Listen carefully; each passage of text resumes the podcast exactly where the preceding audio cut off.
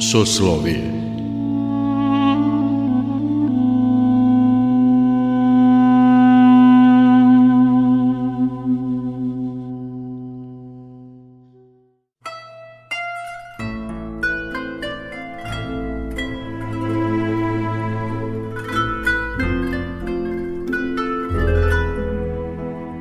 Slušate Soslovije, religijski nedeljnik Radio Novog Sada. Dobrodošlicu vam želi Mirjana Ranković. Ove nedelje naš gost je Željko Kovačević, optičar, inženjer tehničke fizike i bogotražitelj. Saznaćemo kako je jedna poseta Hilandaru promenila njegov život. Na koji je način došao do manastirskih recepata za blagotvorne čajeve – šta je prema njegovom mišljenju najvažnije u životu. Optičar Željko Kovačević brine kako o naočarima zaposlenih u Srpskoj patrijaršiji, tako i o onim koje nose monasi u Hilandaru. A zahvaljujući čajevima, otkrio je svet podvižnika i manastira.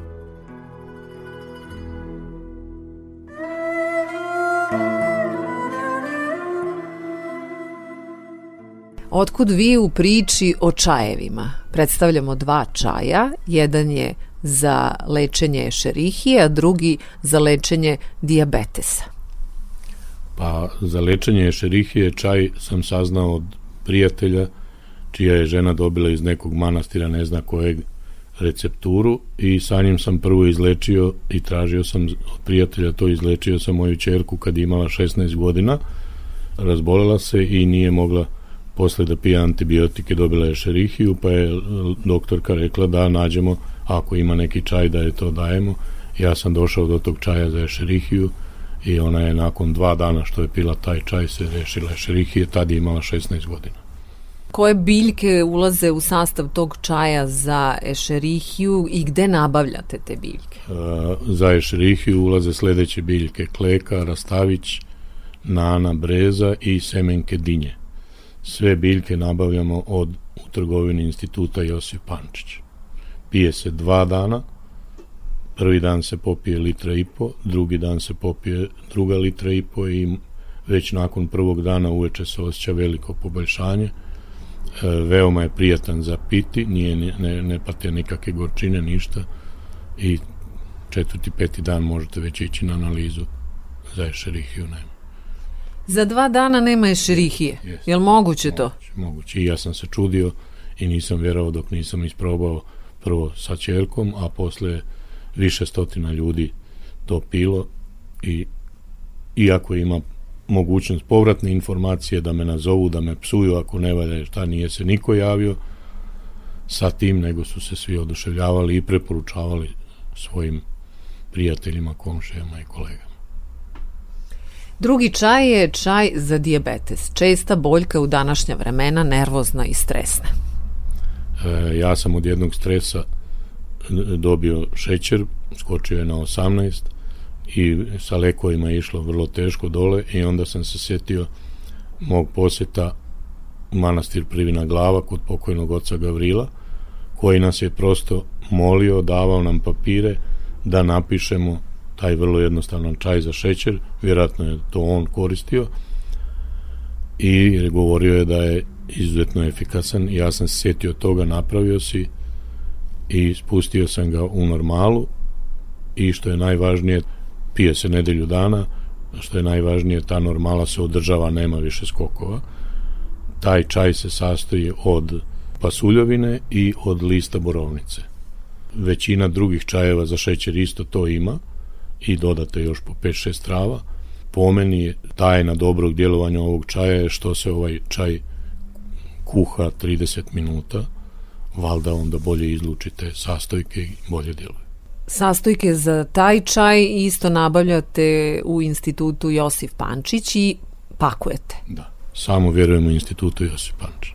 Svaka čast drugima, ali Josip Pančić je i dalje zakon i fala Srbiji što je dozvolila da on i dalje postoji kao državna firma.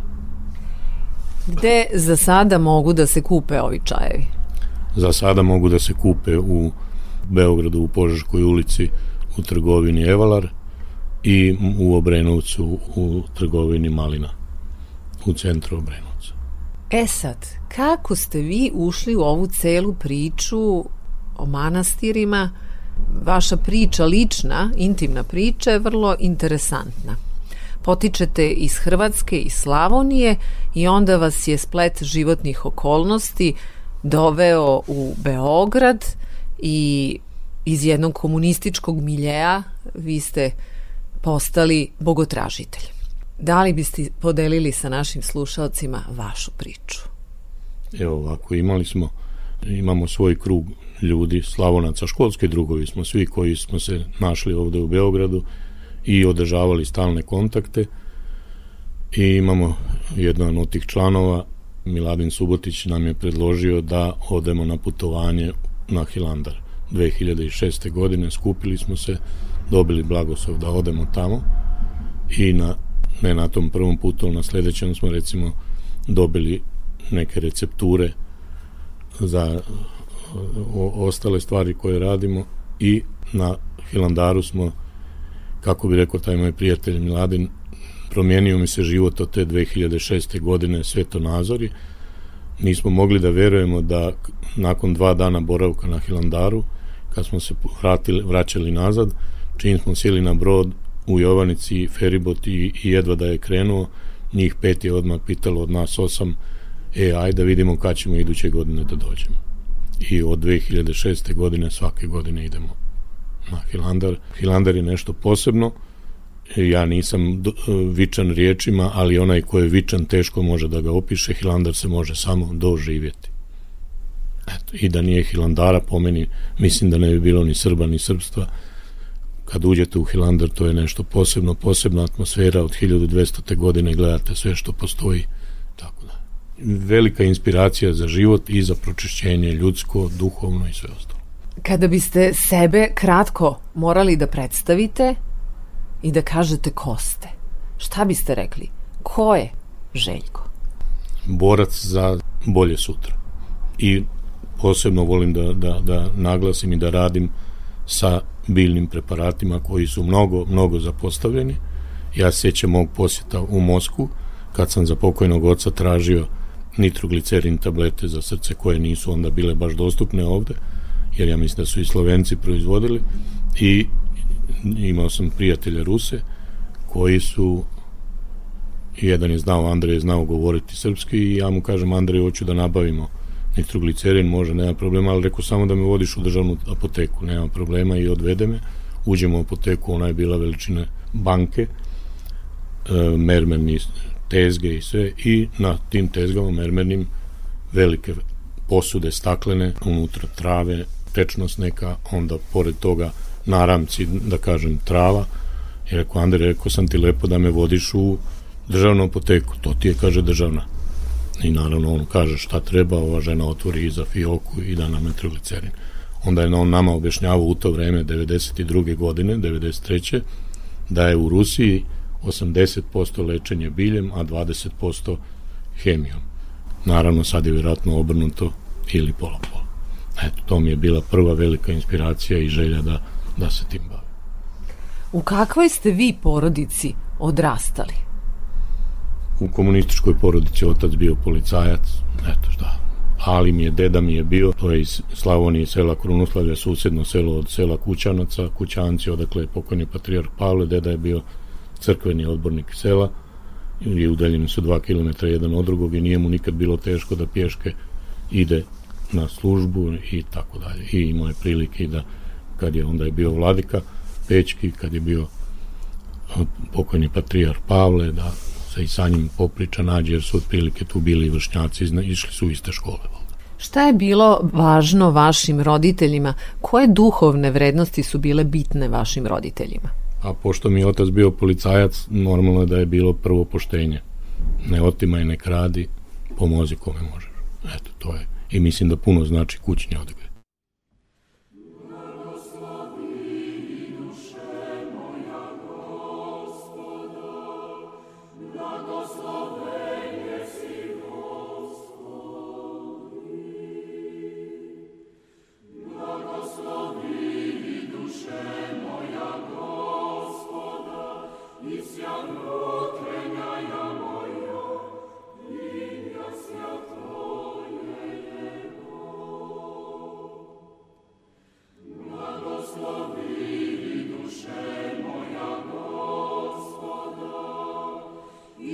Zabiłaj swych poznań.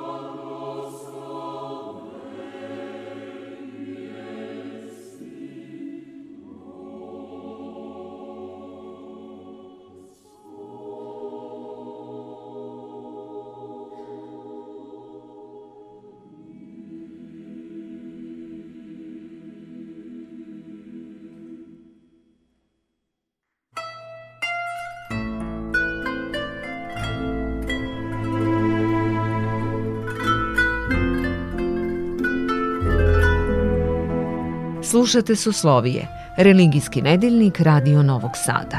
Naš gost je Željko Kovačević, optičar, inženjer tehničke fizike i bogotražitelj. Da li je istina ona rečenica bez nevolje nema bogomolje? Pa jeste. E, I u evanđelju kaže da je i ostali tumači evanđelja kažu da je strah i nevolja da su osnovni pokretači našeg razmišljanja, da toga nema, mozak se uspava, lijepo mu je idilično, tako ispada. Eto i ja sam isto 91. iz jedne nevolje otišao od rata, došao ovde i hvala dragom Bogu upućen na Hilandar koji nam je, kako reče ovaj naš prijatelj Mladin, promenio kompletnu ži, životnu filozofiju i, i, i bitisanje. Zanima me vaše promišljanje, unutrašnje promišljanje do te 2006. i posle 2006. Šta se to desi u čoveku i u čovečijoj duši da se zapitate ko sam, odakle dolazim, da uspostavite taj razgovor sa Bogom i da, da shvatite da je u stvari Bog sve. To je, moja draga gospođo, moć Hilandara. Znači, kad uđete na službu u crkvu hilandarsku i kad pristujete službi, bogosluženju, to je nešto, nešto posebno. Mi smo te godine doživjeli, što posle nikad nismo doživjeli, popodne je bila služba, da je, pošto imaju i bočni prozori, da je od jedan put ušlo to sunčevo svjetlo unutra i nešto je počelo unutra da kao one čestice u vazduhu što postoje, nešto je počelo da treperi, da ne, ne, neki poseban sjaj se desio što nikad posle nismo, valjda nismo išli u isto vreme, pojma nema, što nikad nismo doživjeli posle. Znači, za sve je zaslužan Hilandar. Da li ste bili u Hilandaru i pre 2006? Ne, ne 2006. prvi puta, pa onda stalno kontinuitetu i, i, i dragoj braće Srbima preporučujem, što se naravno i ostvaruje već da kogod je u mogućnosti da bar jednom ode na Sveti Hilandar. Kogod je u mogućnosti. Hvala Bogu, razlika je kad smo išli 2006. Nije baš bilo puno naroda i sad, ali sve više naroda našeg pravoslavnog dolazi iz Bosne, iz Republike Srpske dolaze dosta i tako dolazi iz, iz Srbije. Puno znači.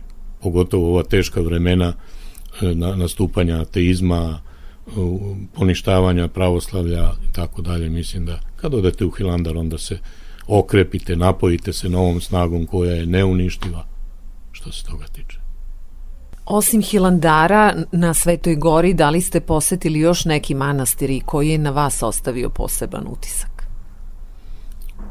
Pa naj, jesmo, posjetili smo od Ostroga pa nadalje, najveći utisak je ostavila Mileševa i freska Belog anđela.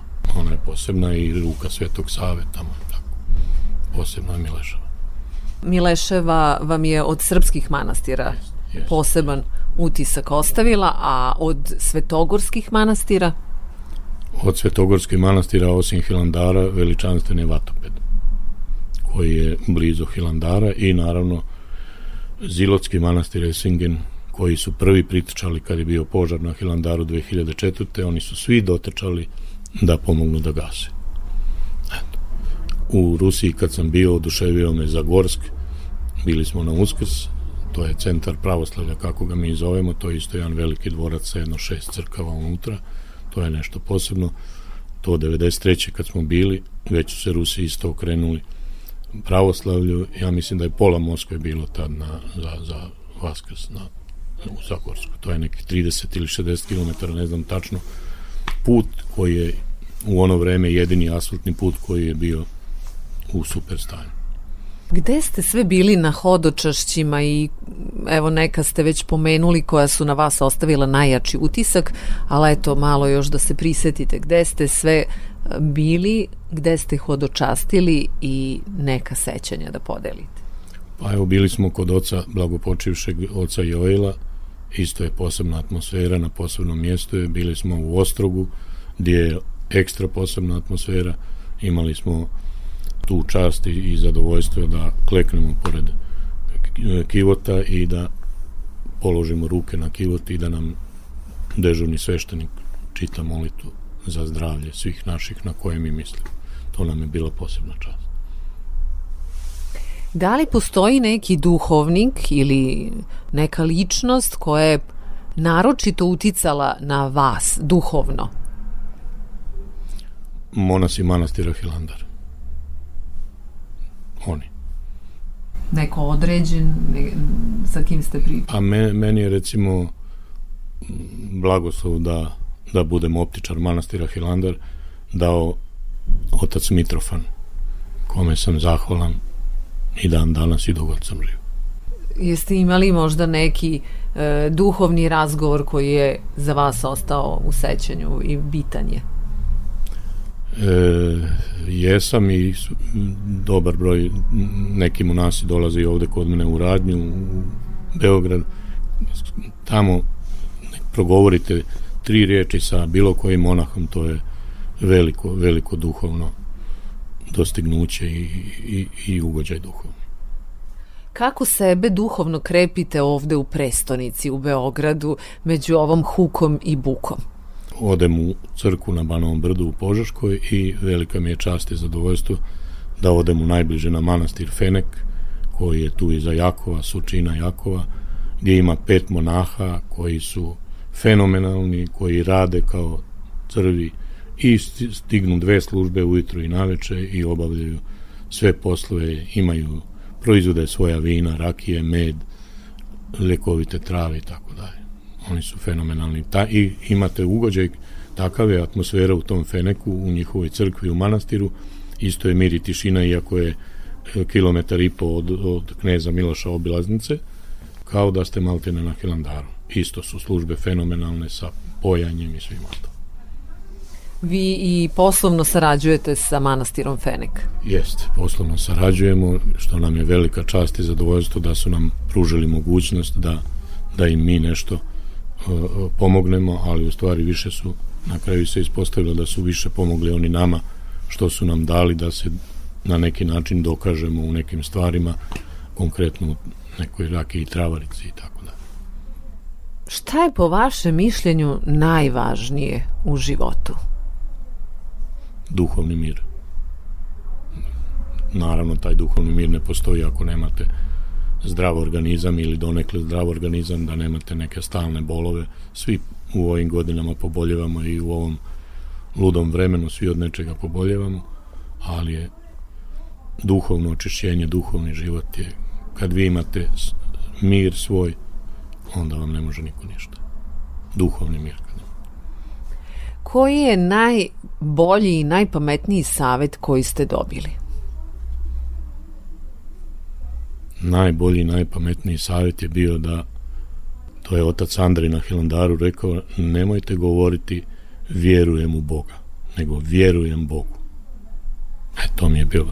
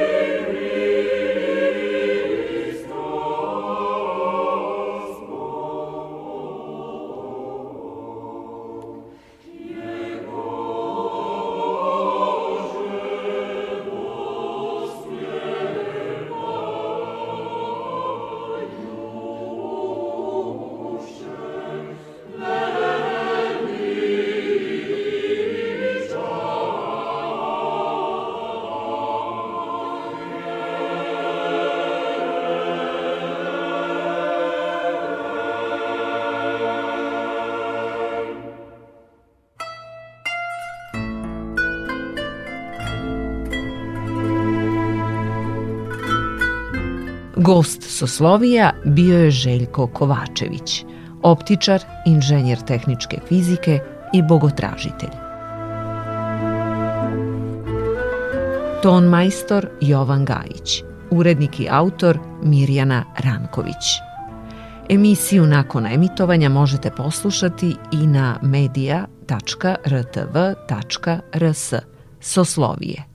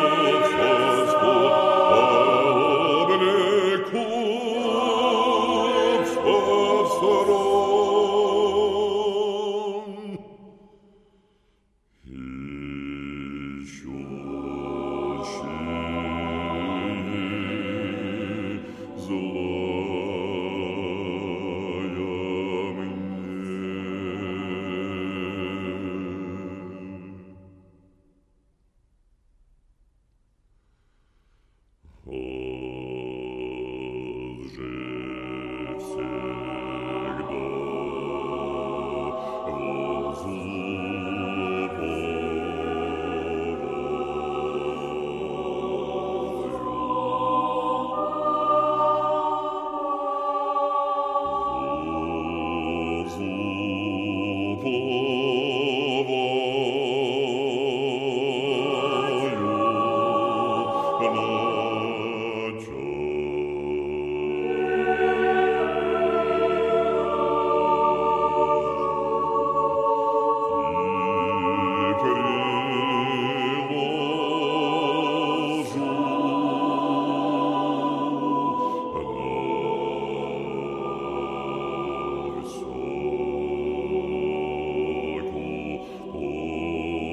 come